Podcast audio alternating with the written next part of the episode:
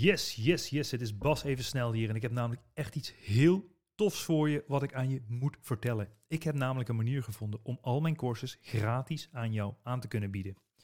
Ik heb meer dan 54 miljoen euro omzet gedaan in de e-commerce. Dus van wie leer je nou liever? Een guru die een auto huurt in Dubai of iemand die meer dan 10 jaar winstgevend is in de e-commerce? Als je liever niet van de guru leert en bewijs wilt zien van de 54 miljoen euro omzet, schrijf je dan gratis in voor al mijn trainingen op basdeeltuit.nl. Ik heb hier niks te verkopen. Je krijgt gratis toegang tot mijn unieke dwarsmethode. Al mijn e-commerce courses, gratis 1 op 1 coaching en een gratis ticket voor het e-commerce kickstart event waar ik jou alles van A tot Z ga uitleggen hoe jij een succesvolle e-commerce business kan gaan opzetten. Alles is letterlijk gratis. Er zitten hier geen addertjes onder het gras. Dit wordt namelijk mogelijk gemaakt door een subsidie die jij ook geheel gratis en kosteloos kan aanvragen. Je hoeft zelf niks voor te schieten en normaal kost dit pakket 2000 euro. Schrijf je snel in op basdeeltuit.nl om gratis toegang te krijgen tot dit hele spektakel. Ik zeg veel plezier met het luisteren van deze podcast en tot snel. Ciao, ciao. Yes, vandaag in de Ondernemen op Sippers podcast, de one and only, Roel Smelt. Hij is geboren en getogen in Twente, studeerde technische bedrijfskunde en filosofie. En, en daarna ging hij bedrijfsleven in en kwam tot de conclusie dat de theorie veel anders is als de praktijk. Bestudeerde de boeken daarna van Goldrad uh, en begon voor zichzelf in het projectmanagement. Hij kreeg niet zijn antwoorden uit de westerse filosofie en raakte gefascineerd door het boeddhisme. Deed zelf veel meditatieretretes, zelfs van 30 dagen in totale stilte en organiseert nu ook zelf meditatieretretes. Roel, welkom. Dankjewel. Je schuift je Mooi, zit op Mooi. En voelt je vogelvrij. Je runt je business op je slippen. Ja. En dat maakt je blij. Je droom is werkelijkheid. Bent van de stress bevrijd. Je We hebben de stress bevrijd.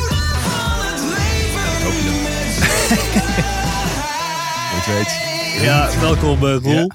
Ehm, eerste vraag die ik altijd stel is wat zou je doen als je nog drie maanden te leven hebt? Oh, ik zou direct gaan mediteren. Nu, eh, ja, dan zou ik eh, denk ik direct in Thailand of zo of in Myanmar een uh, retraitecentrum opzoeken. En, En dan drie maanden stil gaan zitten. Ja, natuurlijk heb ik ook met, eh, ik heb een familie en eh, kinderen, dus eh, absoluut wil je ook eh, eh, meenemen in dat proces. Ik bedoel, en de mensen die je dier, dierbaar zijn. Eh, dus dat moet je praktisch maken. Maar eh, als ik even het praktische weghaal, dan wil, je, wil ik zoveel mogelijk bij, eh, liefst met de monniken meezitten en eh, zoveel mogelijk in het hier en nu zitten. Oh, wauw. Ja. Nou, bijzonder antwoord, maar we gaan dat door je verhaal achterkomen waarom je dit antwoord Ja, geeft. Want, eh, nou ja, je groeide op in Twente. Ja, Eh, hoe, hoe, hoe zag je jeugd eruit? Hoe heb je dat ervaren? Eh, ja, het was eigenlijk een beschermde omgeving. Rijssen is een streng gereformeerd stadje. Mhm. Ehm, waar mensen inderdaad veel naar de kerk gaan.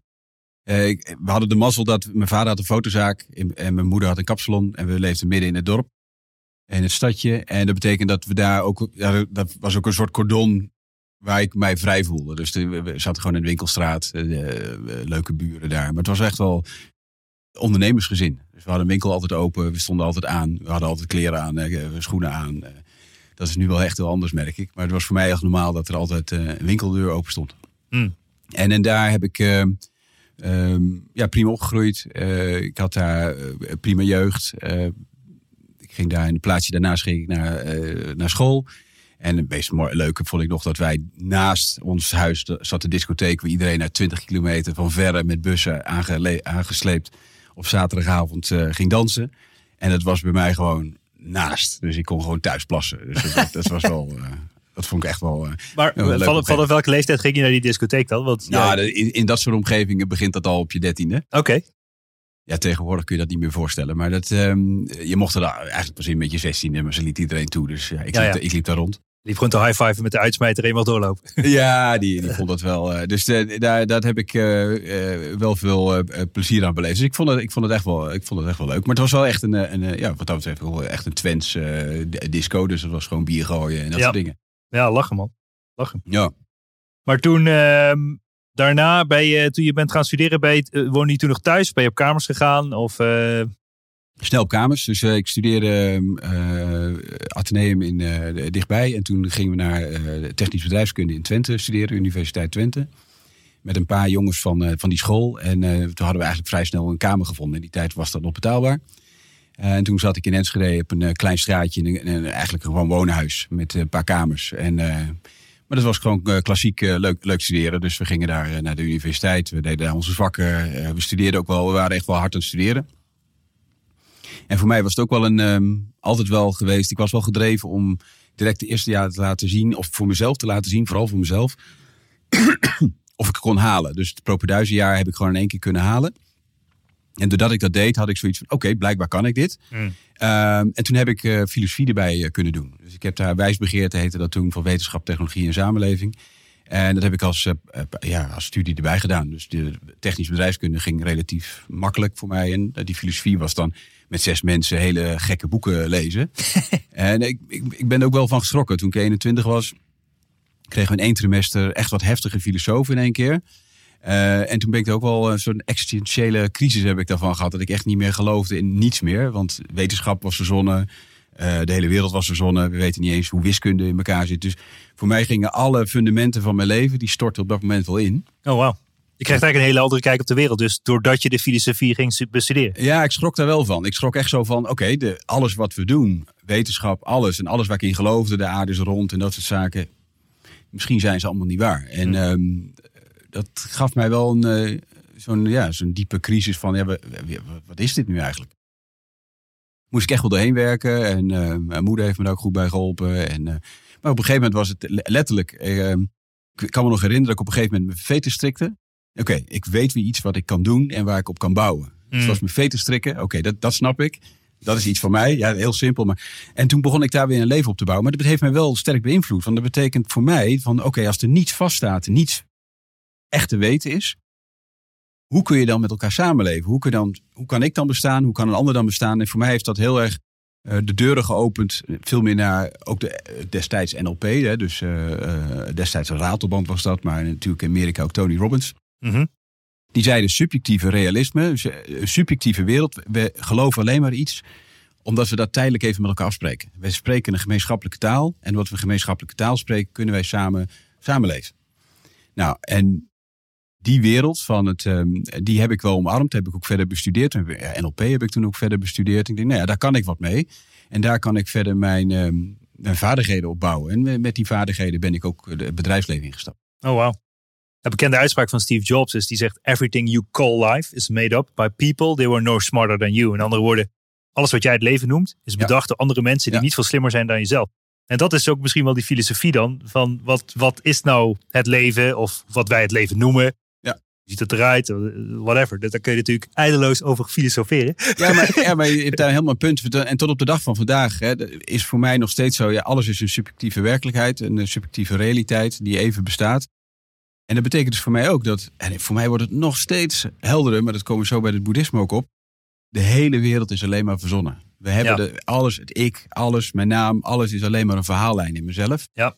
Ehm, dus ik trek het nog veel verder door dan ik toen eigenlijk heb beseft. Ja, maar wat ik in de, in, in, in de normale wereld zie, is eigenlijk gewoon dat veel te weinig mensen een stoute schoenen aantrekken. Dat ze hun eigen kijk op het leven geven en die leven. Ja. Hè, dus ze, ze leven eigenlijk vol- volgens hoe anderen vinden dat ze het moeten leven, laat ik het zo zeggen. Ja. Eh, wat, whatever dat is. Ja. En dat noemen ze vaak het boekje. Ja, maar dat, dat is iets, en dat zie ik heel veel. Hè. Dus als, als we naar eh, patronen van mensen kijken, dan kun je denk ik groep mensen zien die leven het leven van een ander. Die leven dus het ego van een ander, omdat een ander vindt dat het moet doen. En als je kind jong bent, dan is dat ook vrij normaal. Je ouders die geven je wat mee en dat probeer je te leven. En in een normaal proces zou je kunnen zeggen in je adolescentie of als je net gaat studeren, dan ga je op jezelf staan, dus letterlijk. En dan word je dus iets wat jij zelf wil worden. En heel veel ondernemers die herkennen dat, want die zijn iets gaan doen wat ze zelf heel graag willen. Nou, dat proces vind ik wel heel erg mooi. En, ik had de, mazzel. Op mijn zevenjarige leeftijd kwam ik in een rolstoel terecht. Ik had iets met mijn heup, niets ernstigs. Maar moest wel behandeld worden dat ik even uit huis geplaatst werd voor anderhalf jaar. En dat gaf mij de mogelijkheid om in één keer niet meer het leven van mijn ouders te leven. Wat eigenlijk dan normaal is. Maar ik mocht mijn eigen leven kiezen.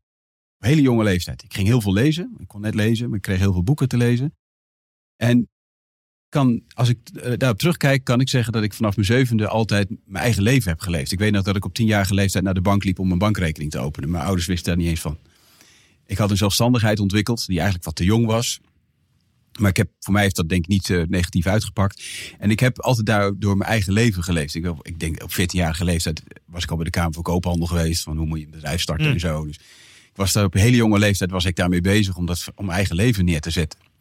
En dat heb ik altijd wel als heel positief ervaren voor mezelf. En ik, ja, iedereen gun ik eigenlijk van, joh, vind jezelf. Mhm. Word een ondernemer of doe datgene wat je leuk vond. Maar ga alsjeblieft niet het leven van een ander leven. Ja, Maar eh, to be honest, eh, heel veel mensen om je heen zul je gewoon zien dat, dat ze vaak toch het leven van anderen leven. ja, maar het heeft ook veel te maken met zelfvertrouwen. Waar haalde jij op die jonge leeftijd al zoveel zelfvertrouwen vandaan dat je, je Ja. zeg maar je eigen leven ging leiden? Dat is een goede vraag hoor. Ik, ik respecteer mijn vader daar ook altijd wel in. En dat vind ik nog steeds mooi. Ik denk daar vaak aan terug nu ik zelf kinderen heb. Mijn vader liet me altijd eigenlijk allemaal aan volwassen dingen zitten. Ik weet nog, op negenjarige leeftijd had ik een eh, 27 MC-bakkie. Dat was destijds was dat Oh ja. een dingetje.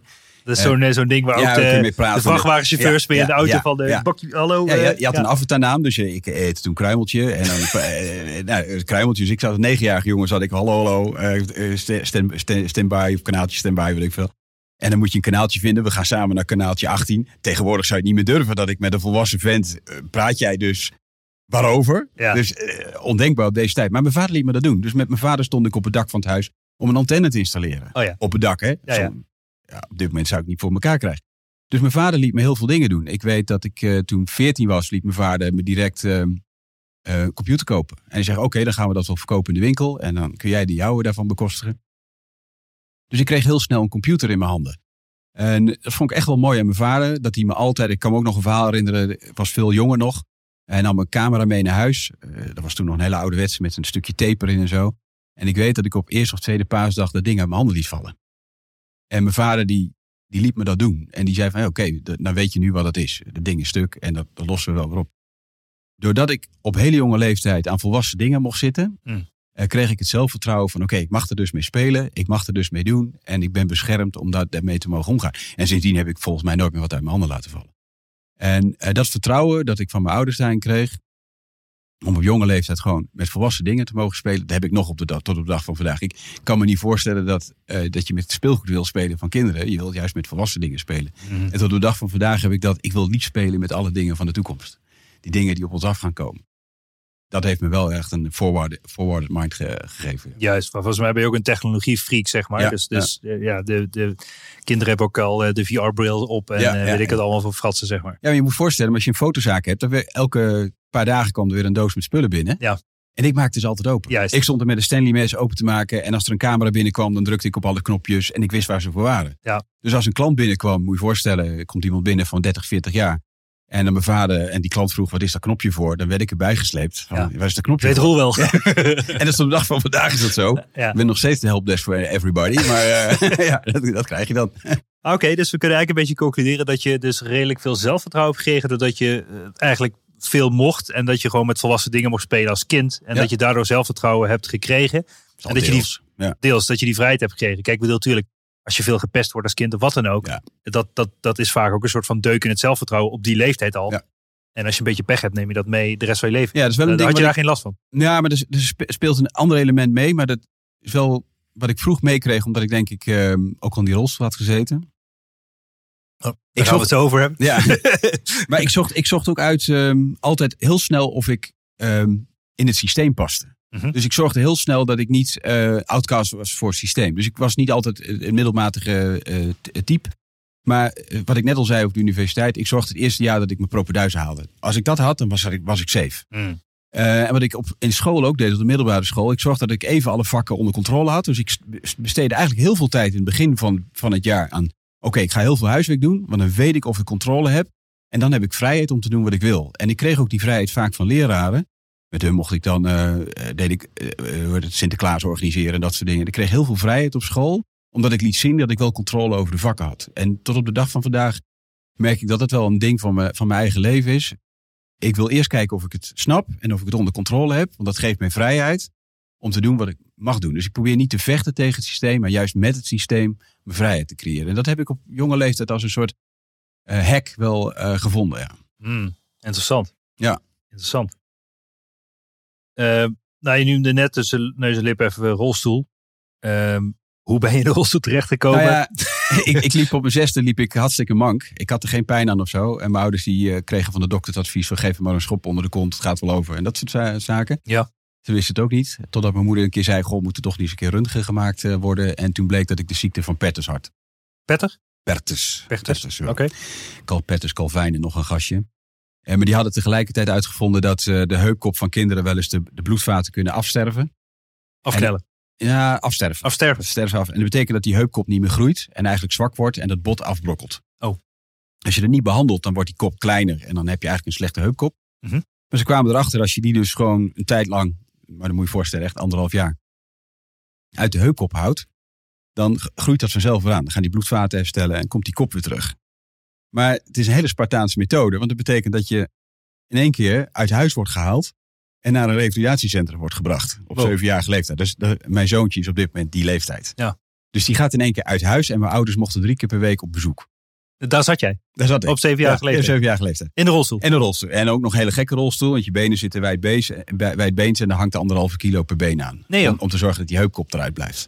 het is perfect genezen. Dus hè, gisteren Ja. hebben we nog getennist, dus dat, Ja. dat lukt goed. Eh, maar, eh, en, die, en hij schijnt ook helemaal normaal te zijn. Dus als ze daar nu weer röntgen van maken, heb ik een goede heupkop. Maar tegenwoordig doen ze dat ook niet meer. Als je nu kinderen petters hebben, de psychologische effecten voor kinderen schijnen en voor ouders is dus dramatisch. Dat ze tegenwoordig veel meer operaties doen. Maar eigenlijk zijn de, eh, is de, de resultaten dan veel slechter. Ach, dat terzijde. Ik kwam erin. eh, tuurlijk is het dramatisch met je ouders. Je ziet ze maar een paar keer. Mijn vader had verdorie een fotozaak. Dus die kon op zaterdagmiddag helemaal niet langskomen. Want dat is het drukste moment van de winkel. Eh, dus dat is, wat dat betreft heeft dat dramatische gevolgen. Ehm, maar voor mij pakte het denk ik goed uit. Want ik ontwikkelde daar heel vroeg mijn zelfstandigheid. Ehm, ja, die, die, die, waar ik wel heel veel lol van heb gehad. Ja, ik, ik, ik was al hard op het nadenken. Ik denk, kan twee kanten uit gaan. Of je krijgt er juist een deuk door in je, Ja.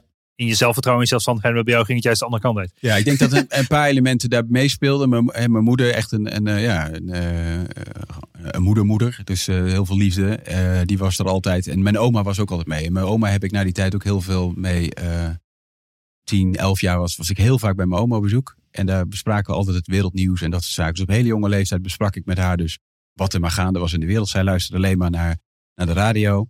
En we bespraken alles. Eh, godsdienst, whatever. En met mijn oma heb ik, eh daar was ook eigenlijk een soort eh, onvoorwaardelijke liefde. Mhm. Waar ik altijd terecht kon. waar ik gewoon kon doen wat ik, waar ik kon mezelf zijn. En voor mij was dat een hele diepe ervaring. En laatst was ik dat ook nog aan het, aan het reflecteren, een week geleden. Ja, mijn oma heeft mij ook een heel erg gevoel gegeven van dat ik gewoon mocht zijn wie ik wilde zijn. Dus dat was wel een extra bevestiging van je mag zijn wie je wil zijn. je zelfstandigheid mag er zijn. En dat, dat heeft dat daarbij wel, eh, wel geholpen. Dus ik denk als je dat niet zou hebben, of je zou een familie hebben die vader en moeder heel druk zijn, die hun eigen leven moeten voeren. Ja, dan kan ik me ook voorstellen dat je op dat moment best wel een tik van krijgt. En, Ja. en, en één ding, we eh, goed, dat, dat verhaal kennen we ook. Eh, mijn benen wilden, moesten na, na die tijd weer leren lopen. Mhm. Dus mijn mond was goed. Ik kon goed kwebbelen. Ik Ja. kon goed, eh, mijn ratio was goed. Ik kon eh, dingen voor elkaar krijgen met mijn mond. Maar lichamelijk kon ik niks. Met voetbal eh, kon ik niks. Ja. met sporten deed ik niks. Maar goed, daar speelde ik maar de clown. En tot op de dag van vandaag vind ik het lastig.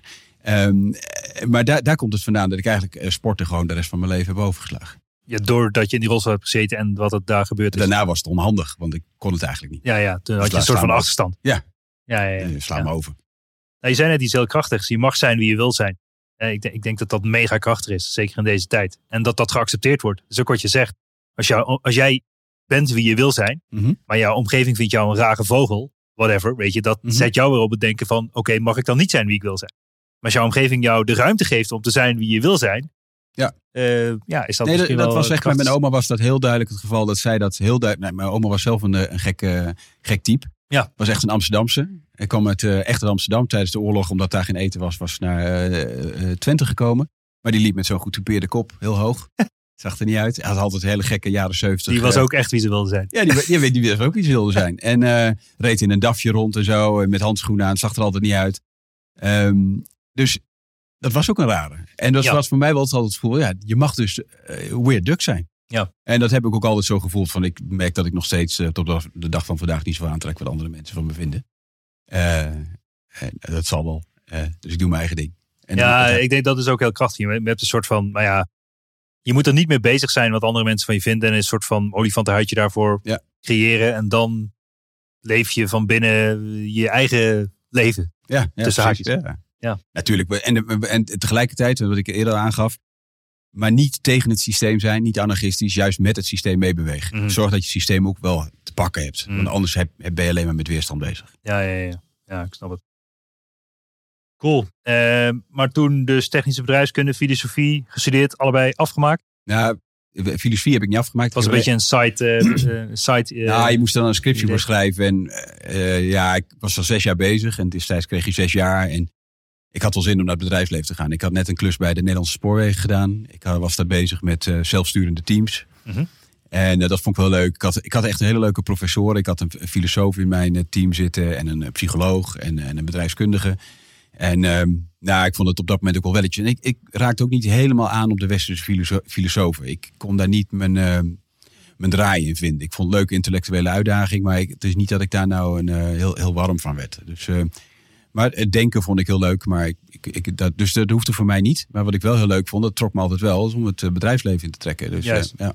En waar, waar begon je nou, carrière? Nou ja, Nederlandse Spoorwegen was Ja. de eerste. Dus ik zat in Rotterdam, eh, op, waar nu dat mooie station staat. Maar dat was toen een heel lelijk ding. En ik had bedacht met de rayonmanager van... nou, weet je wat, wat zou het toch mooi zijn als de conducteur en de machinisten met elkaar zouden praten en werkoverleg zouden hebben. Hmm. En ik geloof tot op de dag van vandaag dat ze dat niet hebben. Dus je hebt rode pakjes en blauwe pakjes en die praten niet met elkaar. Als je die in de kantine ziet zitten, dan zitten ze aan aparte tafels. Hmm. Destijds. Ik weet niet of het nog zo is, maar... En dat betekent dat ze ook niet met elkaar bespraken als ze een treinrit gingen doen. Er was geen werkoverleg. En ik had zoiets bedacht, nou ja, als je nou met elkaar een soort systeem maakt, dat je met elkaar overleg hebt en met elkaar bespreekt wat je tegenkomt, misschien gaat het dan wel beter op die treinen. Dat kon ik ook aantonen, had ik ook onderzoek, een klein onderzoekje naar gedaan. Maar dat werd ehm, om zeep geholpen door de vakbond en door het hogere management van de NS. Die wilden niet dat ze met elkaar eh, spraken. Want dat bracht namelijk de verhouding die ze hadden aan de vakbondstafel in gevaar. Dus de NS is tot op de dag van vandaag voor mij een verzuilde organisatie. Die altijd die verzuiling zelf in stand houdt. Dus daar is, vindt nooit een, en dat heeft me wel heel erg getekend. Daar vindt dus geen synthese plaats, geen harmonie plaats. Het is juist een, altijd een omgeving waar strijd zal moeten zijn. Ehm, binnen de NS-omgeving zal altijd in, om de zoveel jaar een staking moeten plaatsvinden. Want dat trekt meer leden aan en dat houdt die verzuiling in stand. Natuurlijk zitten daar echte goede zaken onder die opgelost moeten worden. Die wil ik allemaal niet eh, eh, uitvlakken. Maar voor mij werd het gewoon heel duidelijk. Die verzuiling en eh, polarisatie. En die over de laatste tijd, de laatste jaren in de maatschappij hebben gezien. Die is mij. Is voor mij zo vreemd. Eh, er is maar één oplossing. En dat is uiteindelijk gewoon samen een synthese vinden. Harmonie vinden. Oplossing vinden die beide, door beide partijen gedragen kan worden. En dat heeft mij wel diep getekend. Dus voor mij was die eerste klus wel een heel duidelijk iets van. We kunnen samen tot synthese en harmonie komen. Maar de maatschappij is wel de hele tijd bezig om dat af te breken. Ja, ja, ja. ja. Bizar. Ja. Eh, En, en, en zoiets klinkt misschien heel erg voor de hand van laten we alle mensen met het bedrijf met elkaar laten praten of zo. Maar dat is dan een soort van. eh nou, Dat mag helemaal eh, niet. Maar het is nog steeds zo. Kijk maar naar de afgelopen jaren. We, we po- polariserende groepen praten niet met elkaar. Ja. Dus er wordt geen synthese gevonden. Ja, ja, ja. En ze vechten voor hun eigen loopgraaf. Vindt geen En synergie. En ik zeg niet dat de een of de ander gelijk heeft. Maar je moet samen tot een synthese komen. Ja. Tot een hoger harmoni- harmoniserend model. En, en na de NS? Ja, toen ging ik eh, bij een ehm, IT-club werken. Toen kwam ik echt in de IT terecht. Destijds werd ook al software ontwikkeld. En daar leerde ik dat alle theorieën die ik had geleerd op de universiteit... ehm, niet in de praktijk toegepast werden. Dat vond ik onwijs frustrerend. Is nog steeds zo, toch? Ja, is nog steeds zo. ja, daar ben ik echt... Laten we het daar niet over hebben. Dus nee, maar ben ik, wel- ik, ben daar, ik ben daar erg van geschrokken. En, eh, want voor mij zijn boeken in- inspirerend. Ik lees daar mooie dingen in. Ik, oh, zo kun je het aanpakken en dit zo, zo. En nou, dan gaan we toepassen en gaan we kijken of het werkt. Dus je probeert de code te kraken. En ik werd daar eh, projectmanager van 40 mensen. En het project eh, duurde maar langer en werd steeds uitgesteld. En mijn managers zeiden, ja, dat is goed. Verleng de projecten maar. Hoezo? We moeten toch doelen halen? Moet toch op tijd af? project fali- eh, mislukt ook falikant. Echt heel veel geld verloren voor de, voor de overheid. En dat werd allemaal maar normaal gevonden. En daar frustreerde ik mij best wel over. Ik denk, hé, hey, kan toch niet waar zijn dat bedrijfsleven gewoon geen succesvolle methodes kent? Ze hebben daar de hacks niet gevonden die we, die we proberen in de universiteit op te lossen. Nou, en toen kwam ik op een goede zondag kwam ik met een vriendin eh, van twee vriendinnen. Die eh, kwam ik bij, eh, bij iemand in een bootje te zitten. Zo'n grachtenbootje in de Amsterdamse grachten. En ehm, daar zat een man, een goede vriend van mij nu. En ehm, ik vertelde mijn frustratie. En hij zegt, nou weet je wat, ik eh, ben directeur van een, eh, van een groot bedrijf. En ik heb daar ook naar gekeken. En ik ken een goede business guru. meneer Goldratt van de Theory of Constraints. Mhm. Oké, we varen nu langs ons huis. Eh, Hij woonde toen op de Keizersgracht. En hij liep echt letterlijk naar binnen, zijn huis binnen. kwam met drie boeken terug. In de boot. Ga die maar lezen. En als je het leuk vindt, dan hoor ik wel, maak me een afspraak met mijn secretaresse. Oké. Dus ik helemaal gefascineerd. Boeken lezen. Prachtig. En ik vond het geweldig wat erin stond. Dat was een Israëlische ah, goeroe. En die had echt uitgevonden hoe je nieuw projectmanagement kon doen. Hoe je supply chain kon doen. Hoe je marketing kon doen. Hoe je financiële systemen anders kon aanpakken. Wauw. En het stond er allemaal zo helder en duidelijk in. Veel strakker dan ik ooit eigenlijk eerder had geleerd. Ja, ja, ja. ja. Briljant. Dus ik was helemaal begeisterd. En op dat moment besloot ik, ik ga voor mezelf beginnen. Dus op dat moment, natuurlijk zat het ondernemersbloed er al in. Maar ik was nu gewoon lekker aan het klussen. En gewoon eh, op de loonlijst aan het staan. Ik, nee, ik ga voor mezelf beginnen. Ik heb, ik heb die vent gebeld. Of die ben ook eh, bij hem op een vrijdag op kantoor eh, gekomen. Ja. En ik zei, ja, ik ga voor mezelf beginnen. Ik wil bezig met proje- projectmanagement. Ik zie het licht. Hoe kan ik dat doen? Hij zegt, nou ja, dat is een studie in Amerika. Eh, die kun je volgen. Ik, ben zelf ingeschreven. En ik zat een, maand later zat ik in een zesweekse cursus in Amerika. Online had je nog niet. Dus ik zat in New Haven in, in de cursus. Heb ik dat geleerd. Ik heb toen met een andere vent ben ik een partnership begonnen. Wat oudere man die al wat meer ervaring had als ondernemer. We hadden een website, die waren er toen nog niet veel. En we zijn gevonden toen door een bussenfabriek. Boven eh, een bussenfabriek is nu van VDL. En die hadden een probleem. Die zeiden we zijn met een nieuwe productielijn gestart met een nieuwe bus. Maar we krijgen project loopt maar uit. Hmm. Elke, elk project loopt maar uit. Elk Tuurlijk. project wordt alleen maar duurder. Ja. We krijgen niet onder controle. En het punt is, we moeten de dingen gaan launchen. Het heeft al zoveel miljoenen gekost. Alsjeblieft, durven jullie een datum te roepen dat het ding af is. Nou, ik had nog no- geen ervaring. En ik had het nog nooit laten zien dat ik het kon. Eh, en wij hebben op een gegeven moment geroepen, nou, zoveel september gaat het lukken. Een jaar later. En toen stond ik een jaar dus met het projectmanagement, met heel team, stond ik dus aan de, aan de zijkant van eh, zo'n productielijn. Om eh, die voor elkaar te krijgen. En hebben we hebben op tijd de, de bussen geproduceerd. En dat was voor mij zo'n mooi gevoel van, oké, de theorie is in de praktijk te brengen. De theorie, wat we bedenken, Mhm. kan dus in de praktijk werken. Oh ja. ja. fantastisch. Vet. Ja, tot op de dag van vandaag. Vanochtend heb ik nog, terwijl ik het al drie jaar geen projectmanagement meer heb gedaan. Vanochtend zat ik met een vent weer die ouderwetse projectmanagementmethode op een IT-project in Spanje eh, in te richten. Ja, ja, ja. Want dat liep ook niet. Ja. Nog steeds lopen projecten uit. Ja. Het hoeft niet. En wat is dan de holy grail in, de, in wel de projecten al Ja, de trein op tijd laten gaat altijd, nou, de theory of constraint zegt het eigenlijk al. Je moet weten wat je constraint is. Je moet weten waar je kritische pad ligt. Mhm. Het kritische pad is wel bekend in projectmanagement. Maar je moet je kritische pad, en, en een klein, klein theorietje erover, wat wij normaal gewend zijn om te doen, dat noemen ze student syndrome. Dat herkennen we ook wel. Als wij over twee maanden een tentamen moeten doen, dan gaan we die vrijdag ervoor de boeken er eens bij pakken. Ja. Je begint op het laatste moment. Juist. Als jij duizend dingen te doen hebt en je hebt een volle mailbox, dan zeg je al je taken die je hebt, nou, dat kost twee weken. Maar je gaat er niet twee weken aan werken. Aan een taak werk jij nooit volledig twee weken. Je bent aan het procrastinaten, je bent wat anders aan het doen. Je doet iets. Twee weken touchtime is het nooit. Mhm. Hoe moet je een projectplan maken? Je moet een projectplan helemaal in elkaar schuiven, zodat elke taak die erop staat alleen maar touchtime is. Mhm. Dus dat betekent, nee, rule of thumb, delen door twee. Mhm. Soms is het veel meer. Soms, kijk, soms moet je gewoon, eh, moet een vloertje gestort worden en dat duurt gewoon een halve dag. Punt. Kun je niet korter maken. Maar, Precies. dus je moet er wel logisch naar kijken. Maar de meeste projecten kun je gewoon in tweeën delen. En wat doe je dan? Je deelt hem in tweeën. Dus een project van 10 dagen maak je vijf dagen van. En dan zet je de 2,5 dag buffer achter. Want er zit natuurlijk onzekerheid in dat project. Maar je wilt dat iemand aan een taak begint. En zeker als hij op het kritische pad ligt. Ik wil dat jij nu niks anders meer doet dan dit. Geen Juist. mailbox, niks Focus. anders. Ja. Dus de rest mag procrastinaten. Ja. Kijk ik ook niet naar, want is niet kritisch. Moet je wel op tijd starten, Ja. dat is alles. Maar ik hou alleen maar die hele, dat kritische pad in de gaten. Ik heb er een buffer achter zitten voor onzekerheid, maar dat is een gedeelde buffer. In plaats van dat het in elke taak zit. Daarmee krijg je elk project onder controle. Ja, ja, ja, uiteindelijk is het toch gewoon dat ze de focus krijgen op taken en dat je een soort van sprintjes trekt op die focus. Juist. Maar, dan alleen, En maar dat- niet op alles, want je kunt niet een heel bedrijf de hele tijd op strak zetten. Nee, nee, nee. Dus je moet het alleen doen op, en we noemen dat, hè, die heeft de hot potato of die heeft eh, de, de stick of whatever. Dus je Ja. maakt er iets leuks van. Ja. Maar als iemand een stick heeft, dat betekent dat die koffie voor die persoon gehaald wordt. Oh zo. Alles wordt gedaan. Ja, ja. Eten, whatever. Ja, maar jij moet doorwerken. Want wat hij op dat moment doet is het belangrijkste voor de business. Alles, dat maakt echt de einddatum Oh, uit. ja. Dus, en Oh, de rest vergeet je dus ook. Ja. En Nou ja, wordt eh, s'avonds gemarcheerd. eh, ge- Ja, eigenlijk ik, wel. Ik, ik krijg sportschool Nou ja. erbij.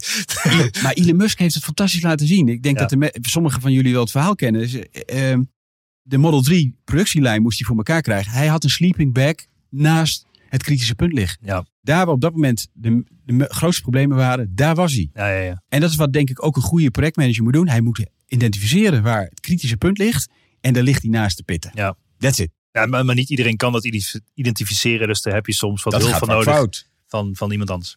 De meeste denken, denken altijd dat er honderd kritische dingen zijn. Juist, exact. en de, wat Eli Koltert ook zei, er is er altijd maar één. ja, ja, ja. Ook al kun je hem niet kiezen, Ja. kies er één. ja, ja, ja. Het is veel belangrijker dat je er één hebt, dan dat je eh er heel lang over gaat doen. Maar wat wij vaak denken, ja, dit is belangrijk, dat is belangrijk. En ik geef jou een duw en jij moet ook hard werken. En jij moet ook maar overwerken. Dan trek je iedereen over een spanningsboog heen en dan krijg je niks rond. ja, ja, ja. Dat is, dat is het eigenlijk.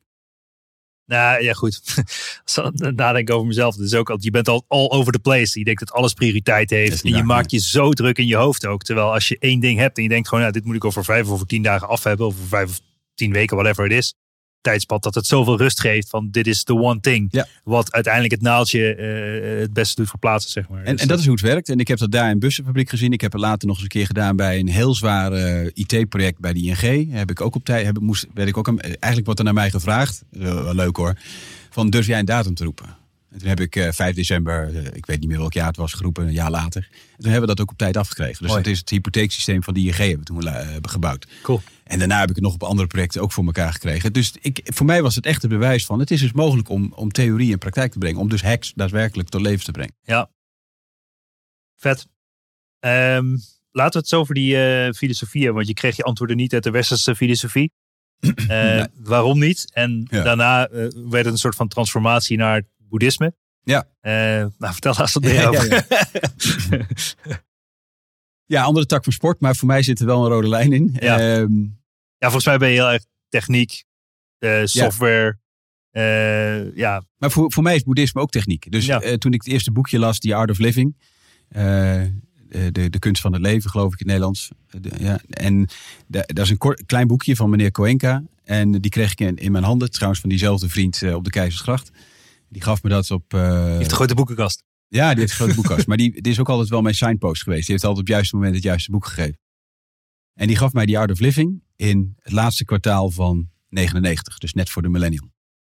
En eh, ook dat was weer zo'n moment. Ik las het boekje. Ik verslond het boekje in een paar dagen. En er stond achterin, daar zijn ook eh retretes te volgen van tien dagen. En er zit ook een centrum in België. Oké, dus ik bellen.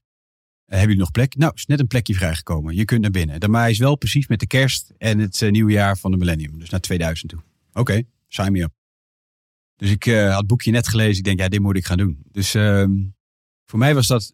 En ik, zal ik ga er zo over uitweiden wat daar gebeurde. Maar wat daarvoor gebeurde is... Ik was in die westerse filosofie gedoken. En wat ik daar vaak van vond is dat de westerse filosofen veel meer sociologen waren. En daar bedoel ik mee... nou, een belangrijke filosoof is Hegel, en van een paar honderd jaar geleden. En die heeft een hele boekenkast volgeschreven. Niet door te komen spul. En maar die begint zijn eerste boek met a posteriori. En daar bedoelt hij mee, daar gaan we niet over hebben en daar gaan we ook niet over discussiëren. Is er ruimte en tijd? Pardon? Hoezo is er ruimte en tijd? Dus voor mij was het iets, de echte filosofie is. Nu moeten we ook vaststellen wat ruimte en tijd is. Wat is Oh ja. dat dan? Maar die zei gewoon, er is ruimte en tijd. En binnen dat kader van ruimte en tijd. En neemt eerst ergens zijn waarheden, neemt hij meteen al aan, Ja, zeg maar. ja, Terwijl je daar ook al honderd jaar over kan filosoferen of dat er daadwerkelijk is. Ja, en dat vond ik zo'n zwaktebod van de westerse filosofen. En er was een andere eh, een- een filosoof, Heidegger, een Duitser. En die had het heel mooi over zijnsverkesselheid. Die had het over zijnden, over dingen die zijn. Mhm. En eh, zijnden, dus de- alles wat geweest is. Mhm. En hij had het ook over zijnsverkesselheid. En hij vertelde een mooi verhaal op een gegeven moment. Maar hij heeft er nooit over gefilosofeerd. Hij heeft er geen boek over geschreven. Hij zei, joh, er gebeurt iets bijzonders als ik op de slopes van, van in Zwitserland of Oostenrijk aan het skiën ben. Mhm. Dan kom ik in een soort flow terecht. Nou, flow hebben we het al vaker over. Hè? Die, die Poolse professor die daarover schrijft. Dus hij had, we zijn het zijn vergeten. Mhm. We zijn dus iets bijzonders vergeten. Dat als we in het hier en nu zijn, dat er iets bijzonders gebeurt. Hij heeft dat nooit kunnen duiden. Dat de, de westerse filosofie is niet in staat om te duiden wat het nu is. Mhm. Terwijl dat zo, wat mij betreft, de essentie van het hele verhaal is. Ja. En dat vond ik dus wel in dat boeddhisme. Die had het dus wel de hele tijd over dat, wat is ruimte en tijd en wat is wel het zijn. En die hadden daar hele verhalen over, die konden dat duiden. Vond ik geweldig. Dus ik las dat boek voor mij helemaal logisch. Maar die zei daar heel simpel, je kunt heel lang over dingen kletsen. Nou, doe ik graag en ik denk graag over dingen na. Zei, ja, je moet, je moet het doen. Je moet Ja. gewoon je mond houden. Je moet je telefoon inleveren. Je moet ehm, eh, geen boeken meenemen. Je mag niet schrijven. En je komt gewoon met honderd man in een zaaltje te zitten. Je slaapzalen en je krijgt gewoon te eten. Je hoeft nergens zorgen om te maken. En er is een programma van 's ochtends vroeg 4 uur tot 's avonds 9 uur. Ja. Je mediteert, je krijgt de techniek en zitten. Dit, zijn, dit, zijn, dit, dit was de eerste retraite de eerste retraite die ik jij zelf deed. Ja, die deed in België. die deed ik in België. Het was Ja. de Heus de Zolder, was een gehuurde locatie. Eh, ik reed er naartoe en ehm, ik, ja, ik kende niemand. Mhm. Ik was eigenlijk helemaal alleen op de wereld daar. Dan, dat, dat, dat vond ik wel oké. Mhm. Maar ehm, ik weet nog dat ik op tweede kerstdag... eh, en niemand heeft het over op dat moment dat tweede kerstdag is. Je praat niet met elkaar, ook s'avonds niet. Eh, dus je hebt geen, er wordt ook niet een duiding gegeven dat het kerst is. Dus ik wist dat het tweede kerstdag was. En eh, s s'avonds heb je alleen maar eh, wat fruit te eten. eh, om eh, je maag leeg te houden. Gewoon een praktische reden. En ik weet nog dat ik een sinaasappel aan het eten was. Eén sinaasappel. Ik denk, oh, dit is mijn lekkerste kerstdiner ooit. En ik was er zo happy mee met, het, met die smaak van die sinaasappel. En dat ik daar alleen zat. En er was geen stress. Er was geen Mm. onrust. Er was eh, ja, gewoon vrede. En ik zat heerlijk die sinaasappel te eten. Het mooiste, een van de mooiste momenten waar, was dat. En daar, daar kwam bij mij wel binnen. Ja, dit is zo profound, zo mooi dat je vanuit jezelf kunt ontdekken wat het zijn is. En dat je al het andere eromheen allemaal maar verzonnen hebt. En waar eigenlijk al je ellende uit voortkomt. Jouw pijn, jouw verdriet komt allemaal voort uit verhalen van dingen die jij denkt dat je moet zijn. Of dat je graag wil zijn. Die vallen allemaal weg. Mm. En ik vond het ook heel moeilijk, want het, het is, ik vond het ook heel zwaar. Die eerste, eh, de eerste retraite was voor mij ook echt heel pijnlijk. Op mijn knieën zitten deed heel veel pijn. Mijn lichaam was al heel stijf. Eh, dus ik vond het heel zwaar. Ik vond het echt een horrorshow. Maar tegelijkertijd merkte ik, ja, maar hier zit wel iets bijzonders. En toen bedacht ik mij het volgende. Oké, dat bedrijfsleven, dat soms soort, hè, ik kan er veel leren en zo. En, maar dat heb ik eigenlijk wel onder de knie. Eh, dat kan ik doen in mijn hele leven. Maar dat boeddhisme, en ze hebben het nog over iets heel anders. Ze hebben het over verlichting. What the heck that may be. Mhm. En, maar blijkbaar hebben ze het erover, hebben ze erover geschreven. Zijn er mensen die verlicht zijn geraakt. Ik denk, "Oh, als ik dan toch iets ambitieus mag doen in dit leven, waarom ga ik niet uitzoeken wat, het, wat die verlichting nou eigenlijk betekent? En dat heb ik me toen voorgenomen. Van nou, ik wil daar meer over weten. Als er iets spannend is in deze wereld, dan is het wel uitzoeken wat die verlichting nou eigenlijk betekent. Nou, dat heb ik toen gedaan. Ja, is het, en dan als je dat voor een beetje vertaalt, eh, in praktische zin, is het bedrijfsleven eigenlijk niet ook elkaar druk en bezighouden? En verlichting is juist met niks doen ehm, de verlichting vinden in jezelf of zo? Ja, Hoe zie je dat? Eh, ja, dat, zo kun je dat zien. En, nou zijn eh, aan, aan, beide fronten zijn mensen druk. Want heel veel eh, spirituele paden zijn ook gewoon allemaal de drukke dingen, rituelen en, en mensen. En het levert voor mensen ook mooie dingen op. Bedrijfsleven levert mooie dingen op. Ik, ik ben er helemaal niet negatief over. Ik vind het heel mooi om teams te bouwen. Ik vind het heel leuk om eh, eh, doelen te halen. Eh, weet je, dus eh, je bent wel druk. En uit, kijk, het is goed om te beseffen dat het uiteindelijk allemaal eh, leeg is, emptiness. Ja. In niets is- zit essentie. Je laatste broek heeft geen zak. Dus het is allemaal leeg. Dus eh, beseffen dat alles leeg is, maar dat betekent niet dat je onverschillig bent of dat je het leven niet meer interesseert. Het is heerlijk om eraan deel te nemen. En nu kom je eigenlijk, wat mij betreft, tot een hele belangrijke kwaliteit, ook voor het bedrijfsleven. Je bent niet meer gehecht aan de uitkomst. Dus je gaat met dus er is commitment op je inzet. Dus ik ga volledig, ik ga ervoor. Ik sta elke morgen op om lekker aan de bak te gaan. Dus je, je inzet is er, commitment op, eh, eh, op inzet, maar is volledig geen hechting aan de uitkomst. Dus als de- je dacht van nou ja, ik ga dit en dit halen, maar het lukt niet, dan ga je er niet bij lopen huilen. Oké, het doel is niet gehaald, zo wat. Want het is toch allemaal leeg. Ja. Nou, dat, heeft mij zo, dat geeft zoveel kracht. Zoveel, maar dat geldt ook voor het boeddhisme zo. In boeddhisme, maar ook in de yoga-wereld, er zijn zoveel rituelen, zoveel dingen waar mensen, oh, ik moet dit doen, ik moet twee keer per dag zitten. Maar het is allemaal moeten. Net zoals in het bedrijfsleven. En dat moeten word je ook weer, is ook weer misery. De teleurstelling begint bij de verwachting. Het is me niet gelukt en ik had het toch graag willen doen. En, eh, maar dat is ook leeg. Ja. Dus ook daar niet gehecht aan de uitkomst. Dus ook het spirituele pad is niet gehecht zijn aan de uitkomst. En dat is het spirituele pad. Kijk, Kun je dat helemaal loslaten? Je niet hecht aan de uitkomst? Ik bedoel, je bent waarschijnlijk met dingen bezig waar je ook iets... Ja, ik zeg altijd hoop is voor de hopeless. Maar je hoopt dat het een bepaalde uitkomst krijgt. Nou, Eh, uiteindelijk, uiteindelijk wel. Dus als je echt helemaal verlicht bent, dan ben je dat dus al die rommel ben je dus kwijt. En ik noem het even rommel, heel oneerbiedig. Al die dingen waar je aan gehecht bent, leveren uiteindelijk alleen maar verdriet op. En ik kan het kort uitleggen. Ons bewustzijn kan alleen maar dingen waarnemen die trillen.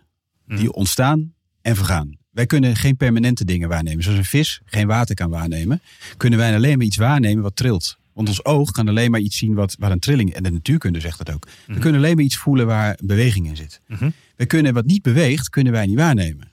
Maar nu komt het. Wat doet ons hoofd? Proberen iets permanents te maken van alles wat we zien.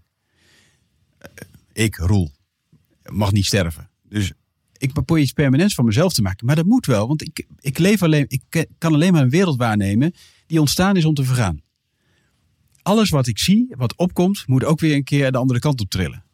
De zon vergaat. Alles komt en gaat. Alles komt en gaat. Nou, dat is de, de, de wisdom, die, de wijsheid die je uiteindelijk echt gaat ervaren vanuit jezelf. Dat kun je begrijpen op een oppervlakkige manier. Je kunt het ook van binnenuit begrijpen. Oh, alles is alleen maar ontstaan om te vergaan. Sterker nog, alles wat ik waarneem kan alleen maar zijn ontstaan om te vergaan. Als je dat weet, waarom zou ik er dan nog aan gehecht zijn? Ja. En natuurlijk ben ik aan, ja, gewoon, ik ben niet verlicht. Eh, ben ik aan heel veel dingen gehecht. En heb ik verdriet als het niet lukt. En heb ik mijn depressieve dagen. En eh, al die dingen komen mij ook eh, voort. Maar je begint wel steeds meer door te krijgen. Op steeds momenten, ja, kan er een beetje om lachen. Want het, het komt en gaat. Ja, Dat is toch niet belangrijk. ja, ja. ja. En, dat, en uiteindelijk is het ook de, de meditatie op de dood. Ja, het komt en het gaat. Alles komt en gaat. Ja, dat heeft natuurlijk twee zijdes. Want aan de ene kant is het heel krachtig als je dat principe snapt. Maar ook heel confronterend dat je je eigen ja, eh, verwachting van het leven, of whatever you call it, moet loslaten. Ja. Eh, omdat je niet gehecht bent aan de uitkomst. Ja, maar vind ik wel de mooiste manier. Eh, Voor mij betreft echt de enige way out. Echt de, de monster hack. Voor vrij leven. Voor vrij leven. is de enige hack die er is. Ja, en, en dat is ook, dat, daar weet ik het ook wat lang over. Want mensen denken altijd dat een vrij leven heel ver weg is. maar dat- in deze theorie is het dus super dichtbij. Want het is gewoon letterlijk, nou ja, een soort van Nu. stilzitten nu. Nee, het zit in dit moment. Ja. Dus dit, het Ja. kan niet anders dan het nu is. Exact, exact. En we denken steeds, ook ik moet eerst 100 stappen doen. En ik hoor het heel vaak zeggen, oh ja, maar ik moet eerst elke dag twee keer mediteren. Dan moet ik nog naar een paar cursussen en dan dit. En als ik dat op orde heb en als ik dan mijn financiële zaken op orde heb, dan... Dat is onzin. Ja. Het is, want dan is het weer andere ellende. Ja, ja. Dus het is werkelijk in dit moment, en eh, misschien, ja, het is misschien moeilijk voor te stellen, maar ik ga het toch proberen. Als je nu een kort meditatief moment, kun je ook met je ogen open hebben. Als je nu al je verhaallijnen loslaat. De verhaallijn van mijn naam, de verhaallijn van mijn leven, de verhaallijn van de ellende van vanochtend, de ellende van morgen, alles wat, wat er op me afkomt. Als ik nu allemaal vergeet, dan kun je door middels eh, de, de middelen doen, maar je kunt het ook gewoon even mentaal doen. Dan ben je in dit moment perfect gelukkig. Want de verhaallijn is er niet. ja, dus je praat jezelf veel Nee, het ellende aan in die zin. Ja, alles. Elke ellende komt voort uit een, uit een, Uit een verhaal uit een verhaal die je je- zelf vertelt. die je zelf vertelt. Ja, en soort- en dat worden op een gegeven moment een soort van mantra's. Want je blijft de verhalen aan jezelf herhalen. Exactly. Dus de En hele dat wereld... kan in de positieve zin, maar ook in de negatieve zin. Absoluut. Ja, maar positieve zin is ook hechting. Want Nou, als ik eh, van de zon wil genieten, dan wil ik in de zon zitten. En, eh, en als die er niet is, dan ben ik ongelukkig. Ja, Dus de, zowel de positieve als de negatieve dingen zijn allebei dezelfde trilling de verkeerde kant op. En alleen maar dat je volledig gelukkig kunt zijn met hier en nu. Dus die science die flow waar Heidegger het over had. Als je dus je bent aan het skiën en dan kun je dat gevoel hebben. En heel veel mensen zullen dat herkennen. Je bent met sport of wat dan ook bezig. Met hardlopen, is mijn meditatie. En ik snap dat, want we zijn in flow. En als je in die flow bent, dan ben je, daar, heb, daar zit die perfecte gelukkigheid. Mm. Of die dat gelukkige, gelukzalige gevoel. Maar hoe kun je dat dus nu zonder middelen, zonder dat je dat sporten doet, hoe kun je dat nou zelf in ieder moment echt diep, diep ervaren? En daar, wat mij betreft, zit, zit verlichting. Oh, wauw. Wauw. Ja, ik bedoel, een paar maanden geleden hebben we natuurlijk, eh, heb ik meegedaan aan, Ja. aan de meditatiestret bij jou eh, in, de- in de boerderij. Ja. Eh, we zaten met zes man, geloof Ja, ik. het vijf, vijf mensen. Ja. Redelijk kleinschalig. Toen heb ik zelf ook ervaren wat het betekent om ja, zeven dagen lang een soort van nou ja, tien uur per dag te mediteren, zitten en loopmeditaties af te wisselen, met niemand te praten, eh, in jezelf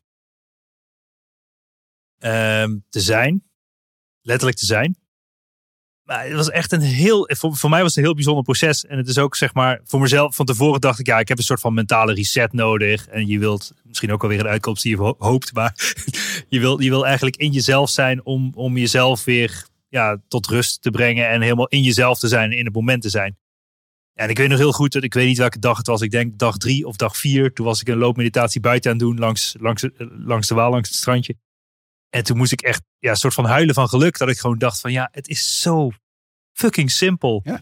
Om gewoon gelukkig te zijn met jezelf door gewoon alleen maar stil te zijn. Ja, En echt alleen maar het moment te voelen. En ik was zo rustig in mijn hoofd. Ik zat daar op een bankje. En daarna ben ik elke dag daar met de zonsondergang gaan zitten. Langs het water bij de Waal. Gewoon met mijn ogen dicht, mijn handen op mijn knieën. En ik was gewoon een half uur lang alleen maar een soort van aan het mediteren. Ja. Tot, That's it. en, en, dat, en, en ik, ja, het, het voelde zo fijn. Ja. Ehm, en en het, het grappige was toen ik, uit, toen ik na de zeven dagen weer mocht praten. en- en ja, dan heb je natuurlijk allemaal. Ja, dan heb je die stilte en dan zit je zo in het moment. Ik wilde mijn telefoon ook letterlijk niet aanzetten. Want je, Ja. dat is een soort van wereld waar je eigenlijk niet terug in wil.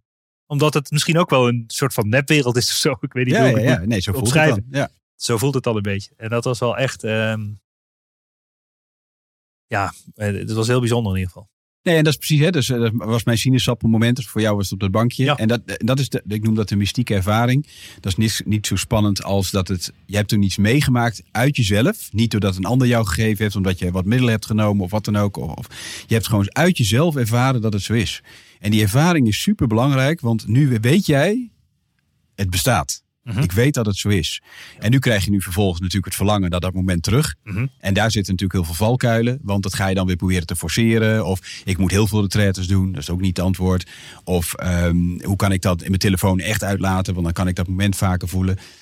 Uiteindelijk kan het, is zo'n retraite een herinnering. Uit je eigen systeem. Dus dat is heel krachtig. Maar hoe ga je dat dus in dagelijks leven toepassen? En dat betekent dat je het leven volledig leeft. Meedoet met alles en nog wat. Eh, maar zoveel mogelijk momenten in die dag tegelijkertijd ook beseft dat alles alleen maar is ontstaan om te vergaan. Of dat alles leeg is, emptiness is. Mm. Dus voor mij zijn mantra's in mijn hoofd. Nu op dit moment emptiness is voor mij een sterk mantra. Alles is leeg. Of eh, alles is alleen maar ontstaan om te vergaan. Ja, dat is ook mooi. Want als je in de, de filosofie en wat daadwerkelijk zo is, dat alles is ontstaan om te vergaan. Dan maken we ons heel druk om dingen die nergens te doen. Die er eigenlijk helemaal niet te doen, laat ik het zo zeggen. maar dat is precies wat je dan, wat, wat een goed besef is. En, maar ik merk ook, ik was nu wat meer aan het eh, op social media aan het eh, posten. En eh, een neef die ik al 20 jaar of 30 jaar niet gezien heb.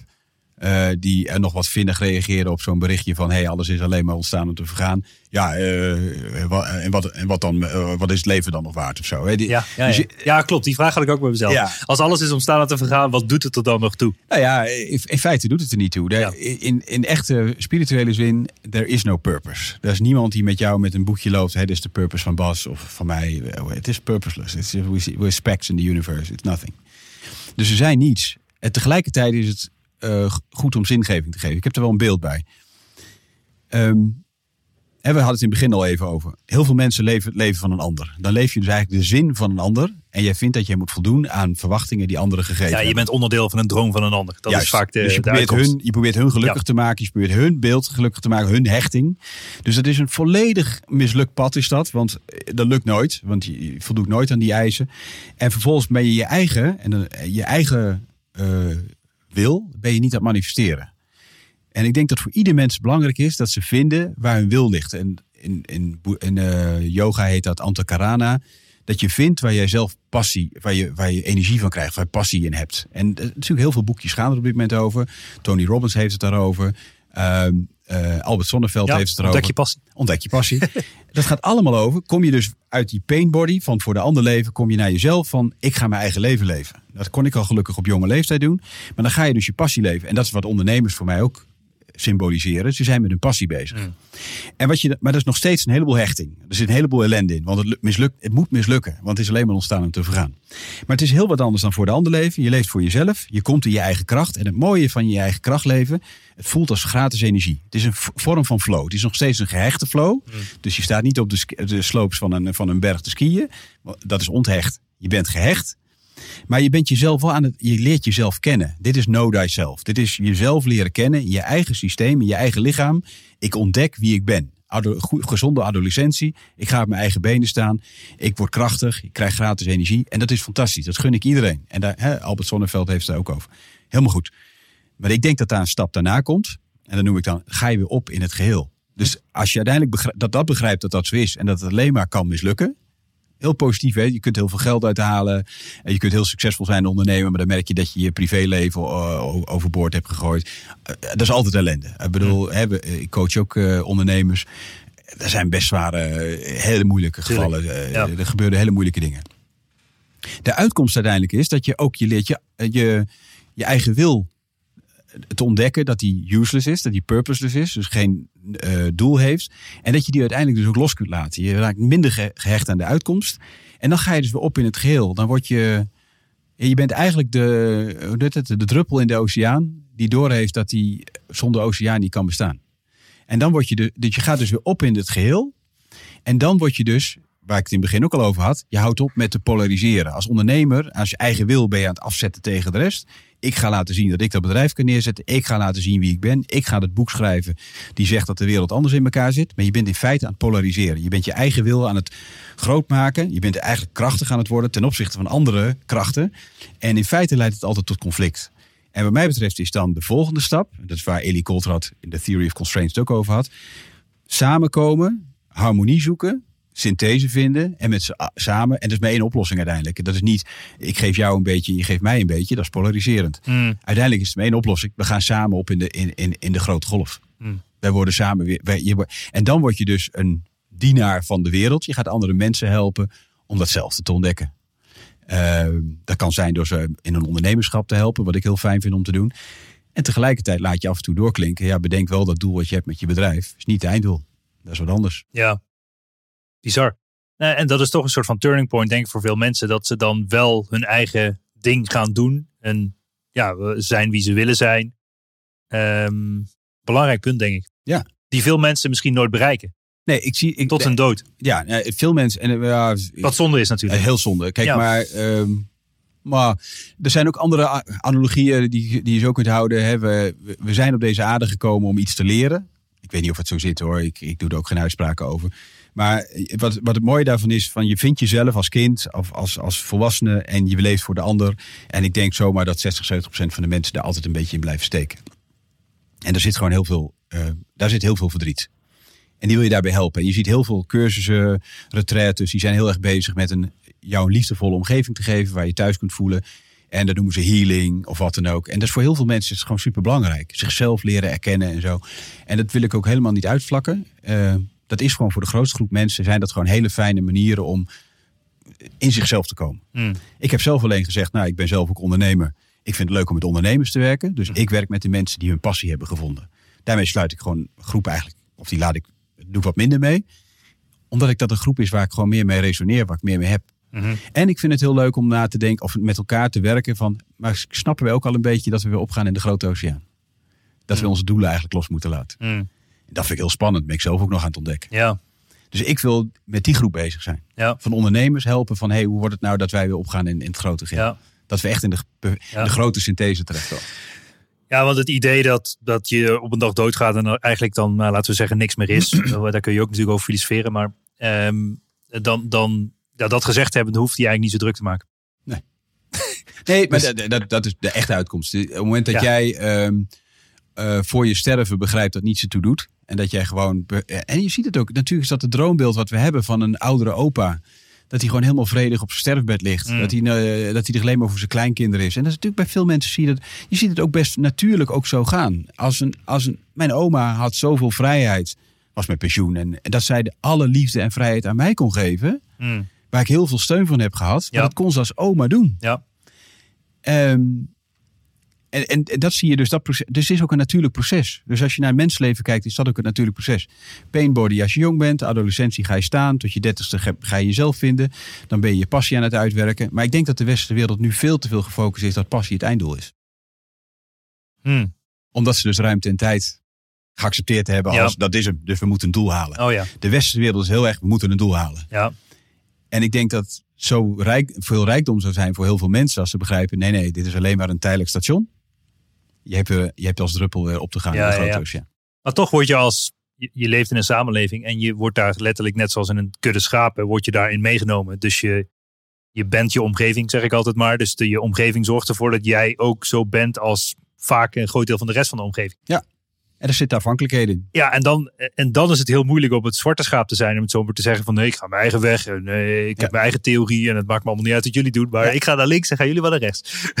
En da- daar komt het wel op neer. En Ja. eh, weet je, ik heb altijd geroepen van, nou ja, mijn eigen kwaliteit in het leven zorgt ervoor dat ik absoluut vrij ben. Ik, ik zet mij ergens neer zonder geld of iets en ik, ik bouw daar wel iets. Ja.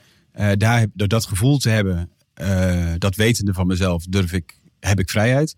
Maar ik, en een ander punt, en misschien is dat een hele mooie eh, setup hiervoor. Ik denk dat het heel goed is voor mensen dat zij hun inkom, inkomsten eh, zo garanderen dat ze vrij kunnen leven. Juist. En eh, je kunt dat doen. De meeste mensen denken, oh, ik moet eerst een bedrijf starten, dan kan ik dat verkopen en dan heb ik genoeg geld en dan Mhm. eh, ben ik vrij. Dat, dat heb ik heel vaak zien mislukken. Hè? Mensen kopen dan de zeilboot, denken dit is het. Varen een jaar, denken dat is het ook niet. En beginnen we in een ander bedrijf. Precies. Dat gaat altijd zo. Ja. Ehm, ik, heb, ik heb het een paar keer gewoon van dichtbij meegemaakt. En, ehm, maar wat je dus wil is, wat mij betreft, dat je nu al begrijpt dat je vrij bent. En dat door nu door simpele middelen zorgen dat jij, dat kan door middel van vastgoed of andere manieren. Maar ik denk dat het goed is op een jonge leeftijd door te hebben. Je moet zorgen dat je zelf een basisinkomen krijgt. Waardoor jij alle keuzes in het bedrijfsleven ook op een vrije manier kan nemen. Want meesten in het bedrijfsleven zijn begonnen met hun eigen wilskracht. Die hebben een passie gevonden, zijn een be- bedrijf ergens in begonnen. En vinden zichzelf dan na een paar jaar terug veel te hard werken.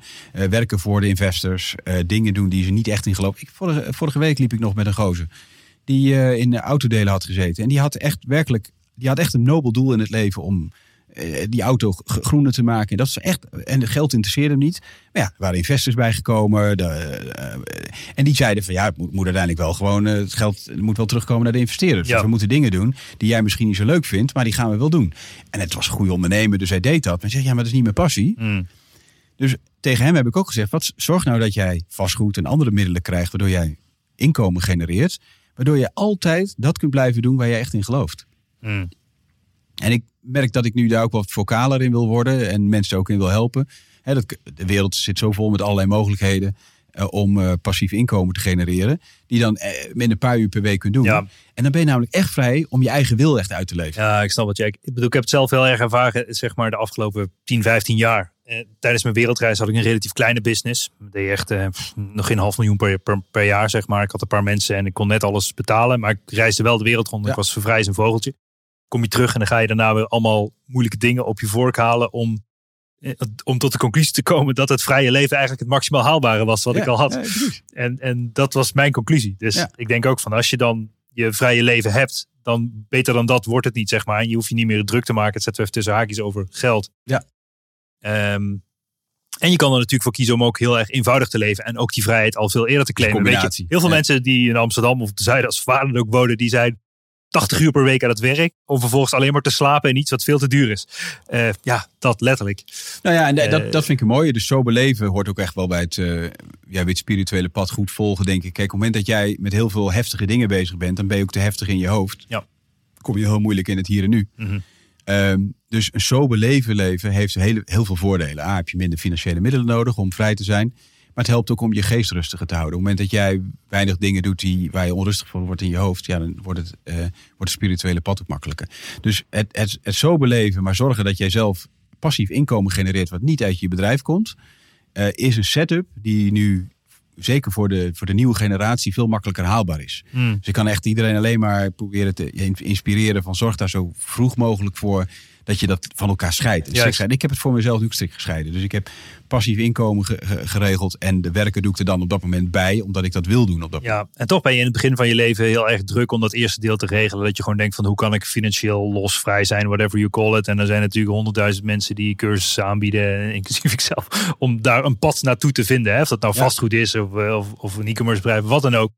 Eh, ja, er zijn ja, verschillende methoden om daar te komen. En dat is toch het eerste waar je druk om maakt.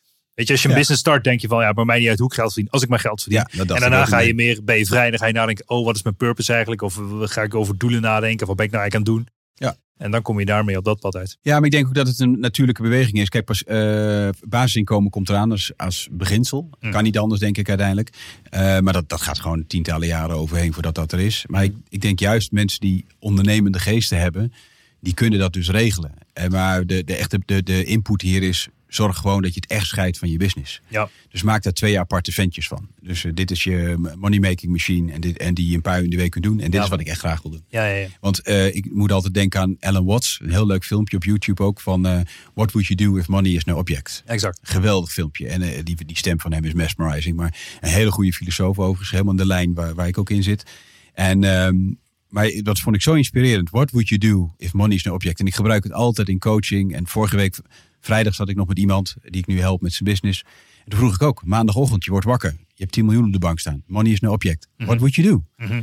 En dan krijg je het juiste antwoord. Ja. Dit is wat hij wil doen. Oké, Ja. dan gaan we daar dus de hele eh, klus om jou heen, gaan we daar omheen breien. Juist. Want dat is belangrijk. Juist. Niks anders. Ja, ja, ja. ja. Eh, en dat is voor iedereen denk ik een hele Dus de inner fire. Ja, Echt de dat is innerlijke drive. Ja, Ja. innerlijke drive. Ja. Atman en yoga. Ja. En eh, wat, wil je, wat wil je doen if money is no object? Ja. En dat is voor mij. En dan komt die echte passie naar boven. Komt gratis energie erbij. Hij zegt ook in dat filmpje zo mooi: van eh, joh, eh, hè, je ouders zeggen dat je dit en dit moet doen, maar het leven van een ander ben aan het leven. Eh, maar als jij eh, punnik op de Zuidpool eh, wil gaan doen, eh, doe dat. Ja. Waarschijnlijk ben jij daar uniek in. En waarschijnlijk kun je daar leuke dingen mee doen. Ja. En kun je er nog geld mee verdienen ook. Omdat jij dat gaaf vindt. Ja, ja, ja. Dus doe dat dan ook. Ja. Dus don't worry about the money. The money will come. Doe, dus eh, sterker nog, eh, ik, ik, ik, ik, ik stel nu voor van zorg dat je twee stromen hebt. Je money stroom en de andere. Alan Watts is nog veel directer in. Nee, doe datgene waar je echt in gelooft. En don't worry about the money. Ja, ja, ja. He's right. Ja, ja ik geloof er ook in. Alleen het stomme is dat je voor, als je dat punt nog niet bereikt hebt, dan geloof je dat niet direct. Nee, nee. Je neemt het niet als waarheid aan.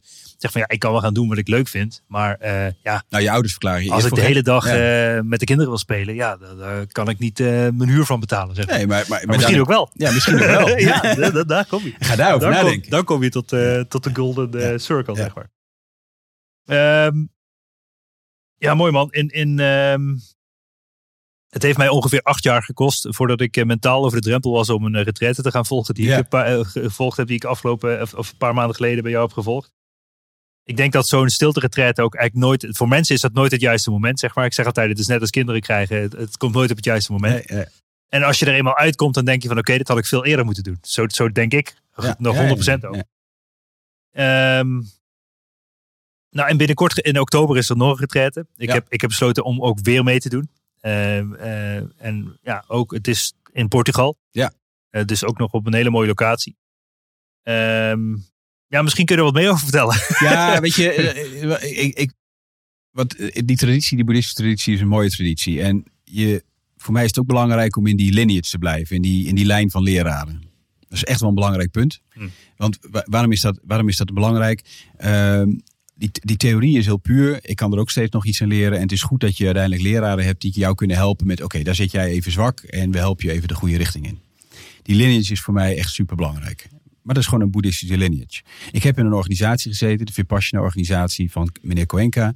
En heb ik, die organisatie heb ik ook aan alle kanten geholpen en, en, en, eh, en heel fijn mee gewerkt. En ik heb daar ook, ben uiteindelijk assistent leraar geweest. En daar heb ik, ja, zat je voor honderden mensen zat je, eh, deze cursus te geven. En heel fijn om te doen. Ehm, op een gegeven moment merkte ik van oké, maar die is echt bedoeld om heel veel mensen door die cursus te helpen. Dat respecteer ik ook. En voor mij heb ik altijd het idee gehad, ja, maar ik zou graag met een paar mensen aan de slag willen. Met een paar mensen die dit heel serieus willen oppakken. En waar ik ook door geïnspireerd raakte om weer verder te komen. Want ik heb ook een paar keer eh een 30 dagen gezeten. Dan zit je echt letterlijk met de monniken te mediteren in Thailand of in India. Heel inspirerend. Maar voor mij was het ook zo, wat, wat is dan de volgende stap? En hoe kom ik dan een stukje dichterbij? Hoe kan ik de juiste begeleiding daarin krijgen en geven? En toen kwam ik zelf tot de conclusie, wat nou als ik wat losser kom van die organisatie? Ik heb me nu wel verbonden met eh Insight Meditation in Amerika. Dus daar zit de hele lineage ook weer in. Dus wat dat betreft heb ik de lineage eh, daarmee verzekerd. Ik ben ook in goed contact met die leraren. Ik ben net ook in Amerika geweest voor een zevendaagse retraite in Massachusetts. In Barra. Fantastisch. En ehm, heb ik ook weer echt wel meer diepe inzicht voor mezelf opgedaan. En voor mezelf werd het zo helder van... joh, wat zou het mooi zijn als ik nu de groep waar ik het meeste mee heb... deze ondernemers... eh, als ik die in de gelegenheid stel om deze training... deze retraite te volgen. Want ik merk Mhm. Die vaak ervaring ook te die hebben. ervaring te hebben. Ja. Want ik merk vaak dat het vaak jongsters zijn, dus mensen tot 30, de backpackers die graag naar dit soort retraites gaan. En ik merk vaak, en ook in Nederland, het zijn vaak de, pensionado's die er dus de tijd voor hebben. Mm. Maar ik wil juist die ondernemers raken. Nou, dus vandaar dat ik gezegd heb, dat gaan we doen. Afgelopen januari hebben wij de retraite gehouden bij, bij ons thuis. Dat waren echt allemaal ondernemers. Mhm. Vier uit de vijf waren ondernemers. Dat vond ik zo leuk. Eh, de gesprekken na, die, na afloop, die hadden een andere wending. Mensen- Impact is ook groter. Ondernemers Ja, ja. gaan iets doen in het echte, nou, in die, zie je ook direct, die zie je ook echt beslissingen nemen. Eh, nee, ik ga dit stoppen, ik ga dat doen. Nou, fantastisch. Dus dat vond ik zo leuk dat ik ook gezegd heb, nou, dat wil ik verder mee. En wat, wat kan ik dan doen? Natuurlijk, de locatie doet er niet toe. Het mag gewoon sober en zo. Tuurlijk. Maar weet je, er zijn zoveel yoga retreateplekken over de wereld die je kunt huren. En ik vond er een in Portugal, maar ze zijn echt overal te vinden. En er zijn ook websites voor. Ik denk, joh, ik huur een locatie in Portugal. Daar kunnen 15 eh, eh, mensen kunnen aan deelnemen. Hebben ze een eigen huis, eigen plek. Eh, zwembad bij. Natuurlijk, je gaat er niet, geen wilde dingen doen, want alles is in stilte de hele dag. Maar de faciliteiten zijn er. En dat betekent dat je een wandeling kunt maken, kun je langs de zee lopen. Ehm, De theorie blijft hetzelfde, de techniek blijft hetzelfde, de telefoontjes zijn ingeleverd. Mhm. Eh, je leest niet, je schrijft niet. Eh, je bent de hele dag in stilte. Misschien dat je een vraag aan mij stelt en dat wij even een checkgesprek hebben. Het programma van 's ochtends vroeg 6 uur tot 's avonds 9 uur is hetzelfde. Ehm, dus je kunt dezelfde ervaring mee, eh, mee hebben. Maar voor mij was dat wel iets van, ja, dat is toch ook een fantastische en inspirerende plek. Juist om die ondernemers aan te trekken of te inspireren van, joh, neem die week nou voor jezelf. Eh, ook al denk je dat het niet kan, dan moet die telefoon aan blijven staan. Dan moet je het juist doen. Dit moet je juist doen. En dit is eigenlijk wel, wel fantastisch. En eh, dat heb ik opengezet. Eh daar ben ik nu ook over. En ik merk ook dat daar, eh, er komen best wel inschrijvingen nu voor binnen. Loopt, loopt, er zijn nog een paar plekken over. Mhm. Maar ik ben ook van plan dit elk jaar te gaan doen. Dus wat mij betreft één, één keer per jaar in, in Portugal. Ik ben bezig met een, een club in Amerika om het daar ook te doen. Eh, die club, daar zijn eh, inspirerende ondernemers, 360, die met allemaal hele wilde plannen bezig zijn. Tot het klonen van dinosaurussen en dat soort zaken. Dat soort ondernemers lopen rond. Ik, ik was daar vier weken geleden. En ik ben daar met een plan bezig om te zorgen dat we precies die week voor die, eh, voor die summit, dat we dan ook zo'n zevendaags gaan houden. Maar die zullen we waarschijnlijk in Californië gaan organiseren. Dus daar ben ik mee bezig. En dat zou een geweldige impact hebben. Dan hebben die mensen net die zeven dagen in stilte gezeten, een paar daarvan. En die gaan daarna die summit in. Nou, Ja. Dat lijkt me een geweldig effect. Dus dat is eh, een punt op de horizon. Maar ik kijk heel erg uit ook naar Portugal. Om daar met mensen gewoon lekker in de nazomer nog eh, die retraite mee te maken. Super. Ehm, we hebben daar goede begeleiding bij. En ehm, ja, lijkt me fantastisch om mee te maken. En je- eh, daar gaf je ook al aan, het zou goed zijn om na, die, na afloop een dag nog te hebben samen. Ja, of, misschien wel meerdere. Om met die ondernemers ook met elkaar gewoon ja, een soort Ja. mastermind te vormen. Eh, om daar vorm aan te geven. Als je het met ondernemers doet, is dat denk ik wel Dan, echt een eh, meerwaarde. Dus eh, dat vond ik een onwijs goed idee. Dus eh, ik ben ook aan het kijken of we het eh, wat kunnen verlengen, de, de huur. Super. Lijkt, me, lijkt me fantastisch. Mooi man. Ja. Mooi. Ehm, nou ja, waar kunnen mensen iets vinden hierover? Stel, eh, ze willen eh, hier meer informatie over vinden. Ja, of, dus, eh, er zijn volgens mij nog maar een paar plekjes vrij. Ja. Maar stel, je wil ze opgeven. Nou, er komen dus meer daarna. Dus Firia.org. Hè, dus we zullen het ook wel in de, in, in de description zetten, zeg Ja, maar. dus V-I... V-I-R-I-Y-A.org. V-I-R-I-Y-A.org. Oké, En Firia staat voor right effort. Voor Kijk. de juiste inzet. kijk. Eh, dus dat is een woord uit het boeddhistische Pali. Mooi. Eh Viria.org is ook een community. Dus dat is, eh, kun je gewoon lid van worden, kost niks. Dat betekent dat je een sign-up doet en ben je er binnen. En dan kun je dus veel meer kennis vinden. Kun je samen mediteren. Je kunt met elkaar ook informatie uitdelen. Dus ik, mijn intentie daar en mijn ambitie is om daar een community van te maken. Waar dus ook die retraites in staat waar mensen naartoe kunnen. Mooi. Overigens, die retraites zijn allemaal cost-based. Betekent dat ik gewoon doorgeef wat het kost. ja. Eten en drinken, alles zit erbij. Ja. Eh, vluchten niet, doe je zelf. Maar goed, dat, eh, dat zijn travel costs. Eh, dat betekent dat het cost-based is. Portugal is iets van 1250 euro heb ik dat Ja. nu staan. Dat betekent dat je daarvoor doet. En de, de vergoeding voor eventueel voor mijn werk, voor de leraar en dat soort dingen... is iets wat je op de laatste dag van de retraite mag geven. Dat is een donatie en dat hoort ook bij de traditie. En dat geld gaat allemaal naar een foundation, naar een stichting. Juist. En dat betekent dat we daarbij andere eh, meditatieorganisaties mee helpen. Dan wel mensen die het geld niet hebben voor 12,50. Ja. Maar die toch de juiste intentie hebben om te komen. Kunnen jongelingen zijn of mensen die even gewoon in een put zitten. Ja. Dat je het vanuit die, dat fund eh, deze eh, meditatie kunt geven. Dus in Ja. principe hou ik er niks van over. Wat ik al zei, mijn geld heb ik gescheiden van wat ik echt wil doen in het leven. Dus dat klopt ook op die manier. En daarmee kun je het zuiver houden. mooi. Mooi. Ja, dat is wel belangrijk, dat zuiver. Ja, ja, ja, zeker. zeker. Dus, dus- ja, precies. Dus mensen betalen eigenlijk de kostprijs om daar te zijn. Ja. En kunnen aan de laatste dag een donatie doen als ze dat willen. Ja. Dat mag ook niet. Nou, mag ook niet. goed. Ja. Super. Ja. Ja, ik heb er in ieder geval wijs veel zin in om in oktober weer te gaan zitten. Ja. Hoe gek het ook klinkt. Ja, ja, ja, dat, dat denk je altijd van tevoren. Op dag drie, dat denk je. ja, ja, precies. weer? Wat ben ik ja. hier aan het doen? Lachen, man. Ja. Ehm, ja, ik vond het een fascinerend verhaal. Ik vind het tof. Blijf doen wat je doet. Ja. En zorg, ja, toch verander je mensen's leven ergens ook door ze de stilte in te brengen. Ja, En dat is echt fantastisch. En helemaal mooi om dat met ondernemers te doen. ja, is echt heel leuk. Ehm, tof, man. Ja. Dank, dank voor je verhaal, Ja, eh Roel. dank voor het luisteren en voor het gesprek. Ja. Yes. Bedankt voor het luisteren naar de Ondernemen op Slippers podcast. Check voor meer informatie ondernemenopslippers.nl. Tot de volgende tof. keer. Dat was Roel Smelt. Heel verhaal over filosofie, technische bedrijfskunde tot het organiseren van retraites. En passie voor techniek. Eh, onwijs gaaf eh, spektakel. In oktober eh, ga ik zelfs ook mee weer eh, naar de zevendaagse meditatietritten. Lekker de stilte in. Ik heb er nu al zin in. Ja.